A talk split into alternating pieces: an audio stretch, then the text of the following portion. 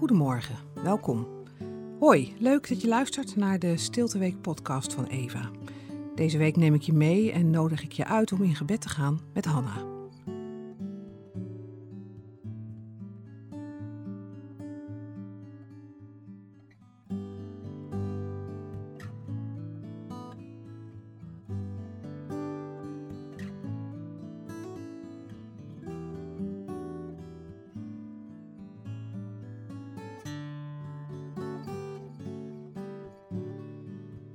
Woensdag, dag 4. God huldigen, hem eer brengen. Steek een mooie kaars aan. Lees 1 Samuel 1 vers 1 tot en met 2 vers 11. De gelofte van Hanna en de geboorte van Samuel. In Rama, in de streek Soef, in het bergland van Ephraim, woonde een man die Elkana heette. Hij was een zoon van Jerogam, die een zoon was van Elihu, de zoon van Togu, de zoon van Suf, en behoorde tot de stam Ephraim. Hij had twee vrouwen. De ene heette Hanna en de andere Penina. Penina had kinderen, maar Hanna niet. Elk jaar ging deze man vanuit zijn woonplaats naar Silo om daar de Heer van de hemelse machten te vereren en hem offers te brengen. Gofni en Pinegas, de twee zonen van Eli, waren daar priesters van de Heer. Wanneer Elkana zijn jaarlijkse offer bracht, gaf hij zijn vrouw Penina en haar zonen en dochters een stuk van het offervlees. Maar het mooiste stuk gaf hij aan Hanna, want haar had hij lief, ook al hield de Heer haar moederschoot gesloten. Haar rivalen kwetsten haar dan diep door haar te sarren, omdat de Heer haar geen kinderen gaf. Zo ging het jaar in, jaar uit. Elke keer als ze naar het heiligdom van de Heer gingen, treiterde Penina Hanna zo erg dat ze begon te huilen en haar eten liet staan. Toen dat weer eens gebeurde, vroeg Elkana: Waarom huil je, Hanna? Waarom eet je niet en waarom ben je zo bedroefd? Beteken ik niet meer voor je dan tien zonen? Na de maaltijd stond Hanna op en ging naar het heiligdom van de Heer, waar de priester Eli op een bankje bij de ingang zat. Diep bedroefd bad Hanna tot de Heer. In tranen legde ze een gelofte af. Heer van de hemelse macht, ik smeek u, heb toch oog voor mijn ellende. Denk aan mij, uw dienares. Vergeet mij niet. Schenk mij een zoon, dan schenk ik hem voor zijn hele leven aan u. Nooit zal zijn haar worden afgeschoren. Terwijl Hanna zo bad, keek Eli opmerkzaam naar haar mond. Ze bad namelijk in stilte. Haar lippen bewogen wel, maar haar stem was niet te horen. En daarom dacht Eli dat ze dronken was. Hij sprak haar aan en vroeg: Gaat dit nog lang zo duren? Als u dronken bent, ga dan uw roes uitslapen. U vergist u, heer, antwoordde Hanna. Ik heb geen wijn of andere drank gedronken. Nee, ik ga gebukt onder een zwaar verdriet en stort mijn hart uit bij de Heer. Denk niet dat ik een slechte vrouw ben. Ik bid zo lang omdat ik oversteld ben door droefheid en ellende. Ga dan in vrede, antwoordde Eli. De God van Israël zal u geven waar u om hebt gevraagd. Ik dank u voor uw vriendelijkheid, zei Hanna, en ze ging terug naar haar familie. Haar gezicht was opgeklaard en ze at ook weer. De volgende morgen vroeg bogen ze zich neer voor de Heer, waarna ze zich op de terugreis begaven. Thuis in Rama sliep Elkana met zijn vrouw Hanna en de Heer verhoorde haar. Hanna werd zwanger en na verloop van tijd baarde ze een zoon. Ze noemde hem Samuel, want, verklaarde ze, ik heb hem aan de Heer gevraagd.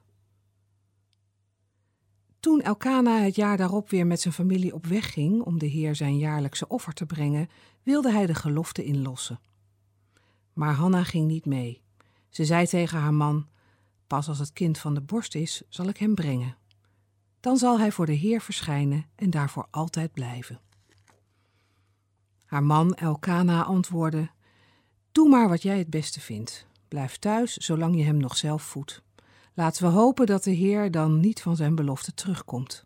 Hanna bleef dus thuis en voedde haar zoon totdat ze hem de borst ontwend had. Zodra het zover was, nam ze hem mee naar Silo en bracht hem, zo jong als hij was, naar het heiligdom van de Heer. Ze had ook een driejarige stier bij zich, een eva meel en een zak wijn. Ze slachtte de stier en brachten de jongen naar Eli. Daar zei Hanna: Neem me niet kwalijk, heer, zo waar u leeft. Ik ben de vrouw die destijds hier bij u tot de Heer heeft gebeden. Om deze zoon heb ik gebeden, en de Heer heeft mij gegeven waar ik om heb gevraagd. Nu geef ik hem op mijn beurt aan de Heer, voor alle dagen die hem gegeven zijn. Toen knielde Eli voor de Heer.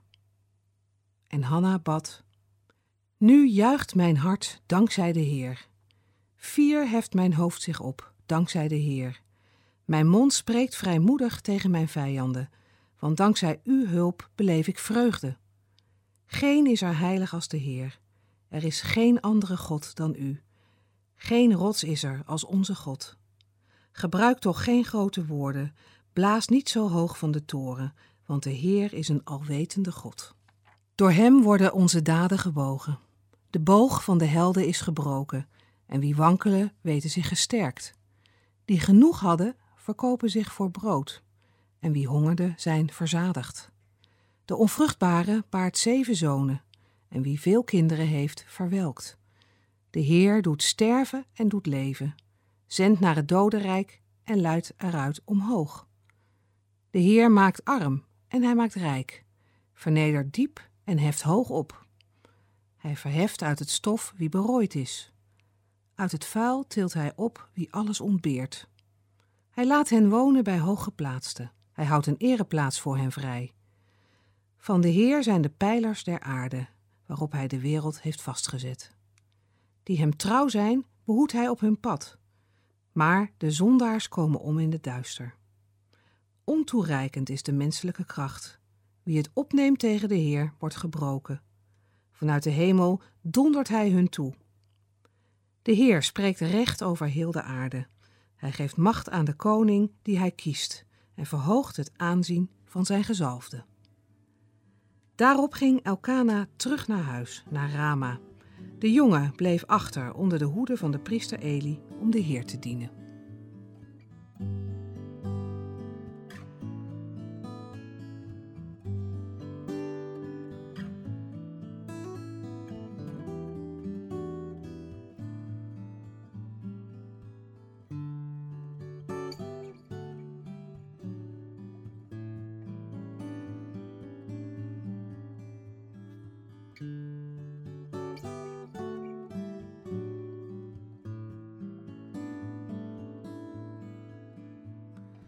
De volgende morgen bogen ze zich neer voor de Heer, waarna ze zich op de terugreis begaven. 1 Samuel 1, vers 19. Voordat Hanna terugreist naar huis, eert ze God en buigt ze zich letterlijk voor hem neer. Ze erkent dat hij God is, de ene die alle eer toekomt. Eren is Gods grootheid erkennen. Zijn grootheid maakt ons bewust van het verschil tussen Gods heiligheid en ons als mensen. We kunnen Hem eren door te buigen. Buig jij zelf wel eens letterlijk voor God? Of kniel je liever? Is er iets wat je hierin tegenhoudt? Zou je jezelf nu voor God willen buigen om Hem te huldigen? Wees een minuut stil en breng je gedachten bij God.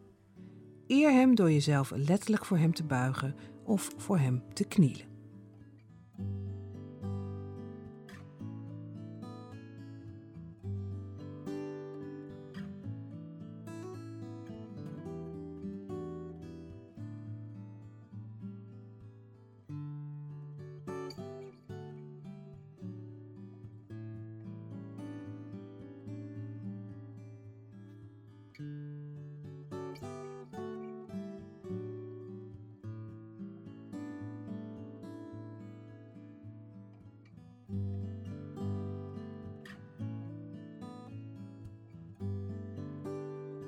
De volgende morgen vroeg bogen ze zich neer voor de Heer, waarna ze zich op de terugreis begaven. 1 Samuel 1, vers 19. Ondanks haar zware hart buigt Hanna voor God. Soms kan het prijzen en grootmaken van God als een verstandelijke keuze voelen. Maar we worden ons dan bewust van Gods grootheid en beseffen dat Hij de ene is die ons leven in zijn hand heeft. Ken jij een onvervuld verlangen? of verdriet dat niet lijkt op te lossen, kun jij er nu voor kiezen om God toch te eren? Wil je op dit moment fysiek voor Hem buigen? Waarvoor zou je Hem nu willen eren?